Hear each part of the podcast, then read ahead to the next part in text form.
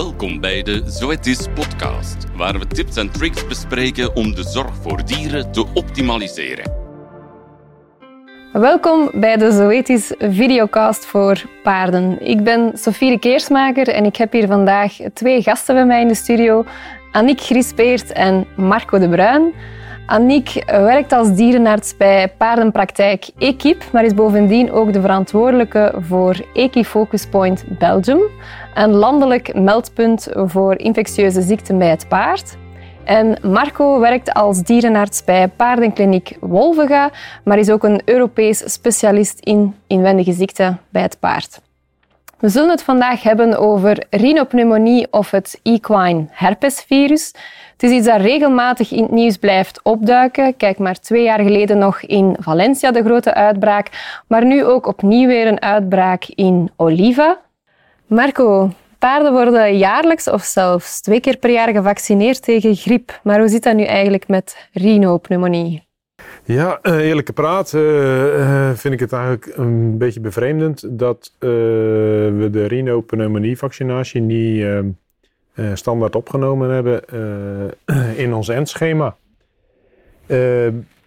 kijk, het zijn twee totaal verschillende virussen en de bescherming zal ook verschillen.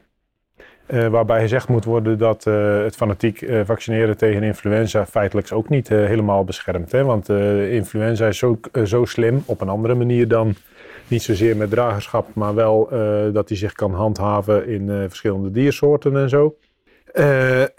die vaccinatie is ook niet altijd 100%, beschermend, maar we doen het wel. En ehm, eerst dacht ik van, is dat niet een beetje overdreven toen ik jonge dierenarts was. Totdat ik al eens een, een, een stal hengsten heb zien griep doormaken. Nou, dat is toch wel pittig. En dan maak je je wel zorgen over als van die volwassen hengsten gewoon een hele week plat liggen. Dan denk je bij jezelf van, gaat dit wel goed? En in Australië waren ze heel lang influenza vrij. Nou, daar hebben ze ook een aantal jaren geleden influenza gehad, maar dan overlijden er gewoon paarden. Dus dat is het nut van die influenza-vaccinatie. Maar feitelijk voor de rhinopneumonie-vaccin geldt hetzelfde. Want je kunt zeggen van ja, het beschermt niet 100% tegen het geïnfecteerd geraken. Dus je kunt nog steeds verkouden worden. En het beschermt niet tegen de neurologische vorm. maar voor mij is dat eigenlijk bullshit. Want ehm, het gaat altijd een deel helpen. Uh, het gaat de, de, snelheid van verspreiding uh, heel erg afremmen. Het gaat het aantal koortsdagen, de kans op dat het, het aantal koortsdagen vermindert, is heel groot. plus, en ik denk dat dat nu wel, zeker ook in een recente studie, uh, voldoende bewezen is dat uh, het aantal koortsdagen, uh, het aantal dagen met hele hoge koorts, is gelieerd aan de kans op het problemen krijgen in het ruggenmerg. En als je dan ze zegt dat, of als je dan vindt dat in de wetenschap dat een gevaccineerde populatie veel minder aantal hoge koortsdagen heeft, dan uh, is daarmee dus de kans dat uh, een gevaccineerde populatie uh, veel ruggenmergproblemen krijgt ook een, een, stuk minder. Er is eigenlijk wel degelijk veel onderzoek gedaan naar de efficiëntie van vaccins. Hè? En het is niet zo dat die niet werken. Um, het probleem is gewoon wat, wat, zie je, ik ga daarmee beginnen, wat, zie je als je paarden vaccineert en daarna infecteert met rhinopneumonie? Inderdaad, dat ze veel minder klinische symptomen hebben. Dus de koorts neemt af van bij een naïef paard dat nog nooit contact gehad heeft. Um, daar kunnen ze tot een week 40 graden koorts hebben. Um, het, met een vaccinatie kan dat één of twee dagen zijn, of zelfs niet meer echt koorts. En dan wat heb je nog? De, de vermeerdering in de neus en dus de uitscheiding, dus de hoeveelheid nieuw virus die, die rondgeblazen wordt in een stal, die is ook enorm veel kleiner en ook in dagen uh, gelimiteerd. Ik denk na vaccinatie, een dag of drie zijn ze besmettelijk. En een naïef paard die kan tot 21 dagen lang besmettelijk zijn voor andere paarden. Dus op dat vlak alleen al vind ik dat een enorme vooruitgang, want je, verhindert gewoon dat dat virus zich zo makkelijk kan verspreiden naar andere paarden. En wat dat dan betreft abortus en zenuwstoornissen, um, ze hebben het getest uh, bij uh, paarden, dus bij drachtige merries. En daar bleek, als je ze correct vaccineert, dat ze tot 80% minder aborteerden dan bij een niet gevaccineerd paard. Ik vind dat een enorm verschil eigenlijk. Dat is nog maar 20% kans, waar je anders 100% kans hebt dat je vullen verliest. En dan komen we bij de grote discussie van de zenuwstoornissen. En ik weet dat er veel gezegd wordt van uh, die vaccins werken daar niet voor, maar eigenlijk klopt dat niet. Eigenlijk kunnen we dat gewoon niet bewijzen. Um, omdat we niet weten welke paarden dat er zenuwstoornissen krijgen, kunnen we ook geen controlegroep hebben. Als je iets wil uittesten, wil bewijzen dat iets werkt, dan moet je dus een groep hebben die allemaal zenuwstoornissen krijgen, als ze rino krijgen, en dan een groep hebben die gevaccineerd zijn, en dat je wil zien of dat die vaccin iets krijgt, iets uh, oplevert, dat er minder paarden zenuwstoornissen krijgen. En dat kunnen we dus niet, want in onze controlegroep die niet gevaccineerd wordt, krijgen we eigenlijk praktisch nooit zenuwstoornissen. Dus je kunt het niet vergelijken. Je kunt niet weten of dat werkt. Wat dat we wel zien, en dat is wereldwijd als er uh, gevallen beschreven worden, is dat de grootste risicofactor op het ontwikkelen van zenuwstoornissen is als de immuniteit van de populatie laag is. Dus je ziet die grote uitbraken enkel maar op stallen waar dat er niet gevaccineerd wordt. Dat is geen direct bewijs, maar dat is iets dat continu herhaald wordt. Bij gelijk welke uitbraak dat we zien.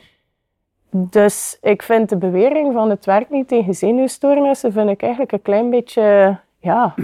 ja. Eigenlijk is dat bullshit, hè, want het klopt gewoon niet. Nee, ik, maar kijk, uh, uh, er zijn maar weinig therapieën 100%. Maar mm -hmm.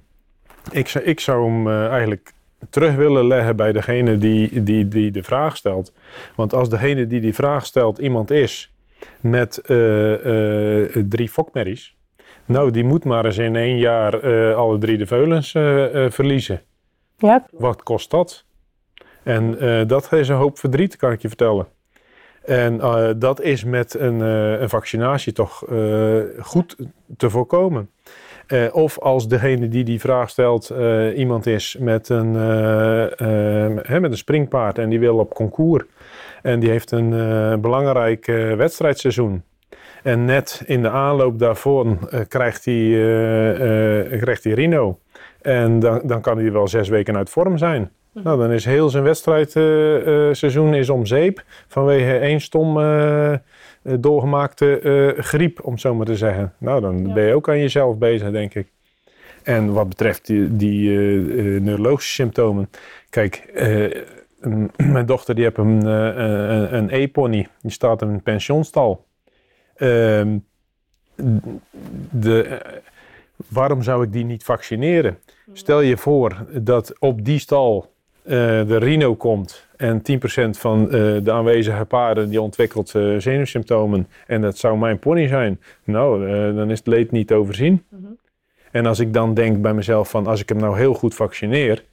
Dan is de kans dat hij vijf, zes dagen koorts heeft. En daarmee meer kans heeft op ruggenmergproblemen veel groter. En als ik hem vaccineer, dan is die kans veel lager. Mhm. Dus dan ben ik toch stom als ik dat niet doe. Ja, ik denk dat inderdaad de vraag moet terugkaatsen. Waarom zou je het eigenlijk niet doen? Ja, nu een, een vraag die we dan ook heel vaak krijgen is van bijvoorbeeld bij een pensioenstal. Um, ik sta op een pensioenstal. In de pensioenstal is het niet verplicht om te vaccineren, dus niet alle paarden zijn gevaccineerd. Heeft het dan zin dat ik mijn eigen paard vaccineer? Ja, ik denk dat het nog steeds zin heeft. Ik denk wel dat het veel beter is natuurlijk om die hele stal te doen. Maar ik kijk daarvoor naar uh, de eigenaar. Uh, want uh, ik denk dat die eigenaar zich bewust moet zijn van wat doe ik aan preventie infectieziekten? En waar ligt dan de verantwoording? Want die eh, komt om de hoek kijken op het moment dat er problemen zijn. Want dan wordt er namelijk met zwarte pieten geschoven. En als ik eigenaar van een professionele stal zou zijn, dan zou ik in de voorwaarden uh, uh, aan de voorkant dichttimmeren van kijk, dit is ons beleid. dit doen wij om te voorkomen dat. Mhm. Eh, juist om eh, duidelijk te leggen waar de verantwoording ligt. Mhm. Want anders Ja. krijgt hij namelijk die verantwoording. En dan, eh, dan gaat zijn stal minder rendabel zijn als hij problemen krijgt. Maar dat is ook een opmerking dat heel veel hoort. Hè? Zo van, ofwel moet je ze allemaal vaccineren, ofwel geen. Maar dat is ook onzin. Het is niet dat je je vaccin in je paard spuit en dat dat vaccin dan even aan het nadenken is en denkt van, oh, is mijn buur gevaccineerd? Nee, en die ook niet. Ja, dan werk ik gewoon niet. Zo werkt dat niet. Hè? Als uw vaccin in uw paard zit, gaat uw paard zijn immuniteit opbouwen. Natuurlijk is het beter naar verspreiding toe, dat ze allemaal gevaccineerd zijn, maar het is niet dat je vaccin niet meer werkt als die geen vriendjes naast zich heeft. Hè? Nee, het is natuurlijk wel zo als daar een uitbraak is. En eh, er zijn er maar een paar gevaccineerd, dan kan die infectiedruk zo hoog worden dat jouw paard toch ziek wordt. Maar ik durf te beweren dat jouw paard dan toch nog steeds minder ziek wordt en nog, minder, en nog steeds minder kans heeft op de ernstige problemen dan zijn gebuur die dat niet is. Ja. Dat brengt me eigenlijk ook tot een, een vraag die we ook wel vaak krijgen. En dat is eh, de bewering van, eh, kan mijn paard rhino krijgen van het vaccin? Ja, dat is een hele mooie. Eh, ik zou bijna zeggen, jammer genoeg niet. Want eh, het is een dood vaccin. En eh, dus met een dood eh, vaccin gaat dat nooit eh, lukken. Want dat, die gaan nooit tot leven komen. Er zijn wel levende vaccins. En ik kom weer even op de vergelijking met de rundvee. Want bij de rundvee hebben ze namelijk wel een gemodificeerd levend vaccin om in de neus te vaccineren. En dat werkt heel goed om heel snel een groepsimmuniteit op te gaan bouwen. En ik vind het eigenlijk jammer dat we die vaccins niet hebben bij het paard. Ze zijn wel Die in ontwikkeling bestaan. geweest. Nee, die bestaan, maar die zijn niet eh, in België of in Nederland op de markt. Nee. Er was namelijk een probleem bij die prototypes dat ze ontworpen hebben, dat die soms konden terugkeren naar een, ja, een echt virulent virus, waardoor dat je eigenlijk symptomen kreeg dat je eigenlijk niet wilde. Dus ehm, Maar- ze moeten nog de juiste mutanten vinden, Ja. maar dat zou wel de toekomst zijn. Want als je dat kunt in de neus brengen en die lokale immuniteit krijgen, en een levend vaccin heeft een veel betere bescherming dan een dood vaccin. Ja. Dus eh, het antwoord Maar, op de vraag ja. is eigenlijk jammer genoeg niet. Nog niet, Ja. maar ik denk wel dat dat er ooit gaat komen. Hè? Ja, Ze zijn er na- naar op zoek in elk geval. Maar nee, momenteel kan uw paard zeker geen rhino krijgen, nog positief worden Nee. op een test omdat hij gevaccineerd is.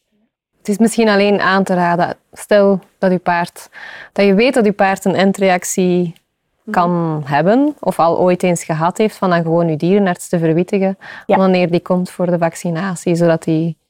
Het is Ja. zo dat ze kunnen ziek worden na die vaccin, maar dat heeft niks te zien met het feit dat ze rhino krijgen, maar alles te zien met dat dat lichaam in overdrijf gaat om antistoffen aan te maken en, en zich te beschermen of te wapenen tegen een infectie. En ja, er zijn paarden die dat heel fel doen. Ehm, je kunt dat eigenlijk voorkomen door ze inderdaad op het moment van vaccinatie een ontstekingsremmer toe te dienen. Net zoals dat wij bij coronavaccins soms het advies kregen om een, een, een te nemen. Ja, ja. Ja. klopt. Dat kan ook bij het paard. Oké, dat maakt het eh, heel duidelijk, denk ik. En eh dank je wel opnieuw voor een, eh, een boeiend gesprek. Ik denk dat we zeker moeten onthouden dat vaccinatie niet 100% beschermt, maar toch wel een heel belangrijke rol kan spelen in, om ervoor te zorgen dat je eigen paard minder ziek wordt en dat je ook eigenlijk ervoor kan zorgen dat er minder verspreiding is van virus naar andere paarden. Moest je nog meer willen weten over rhinopneumonie of andere ziekten bij het paard, neem dan zeker ook nog een kijkje op de website van Zoetis of op ons Zoetis Spotify kanaal.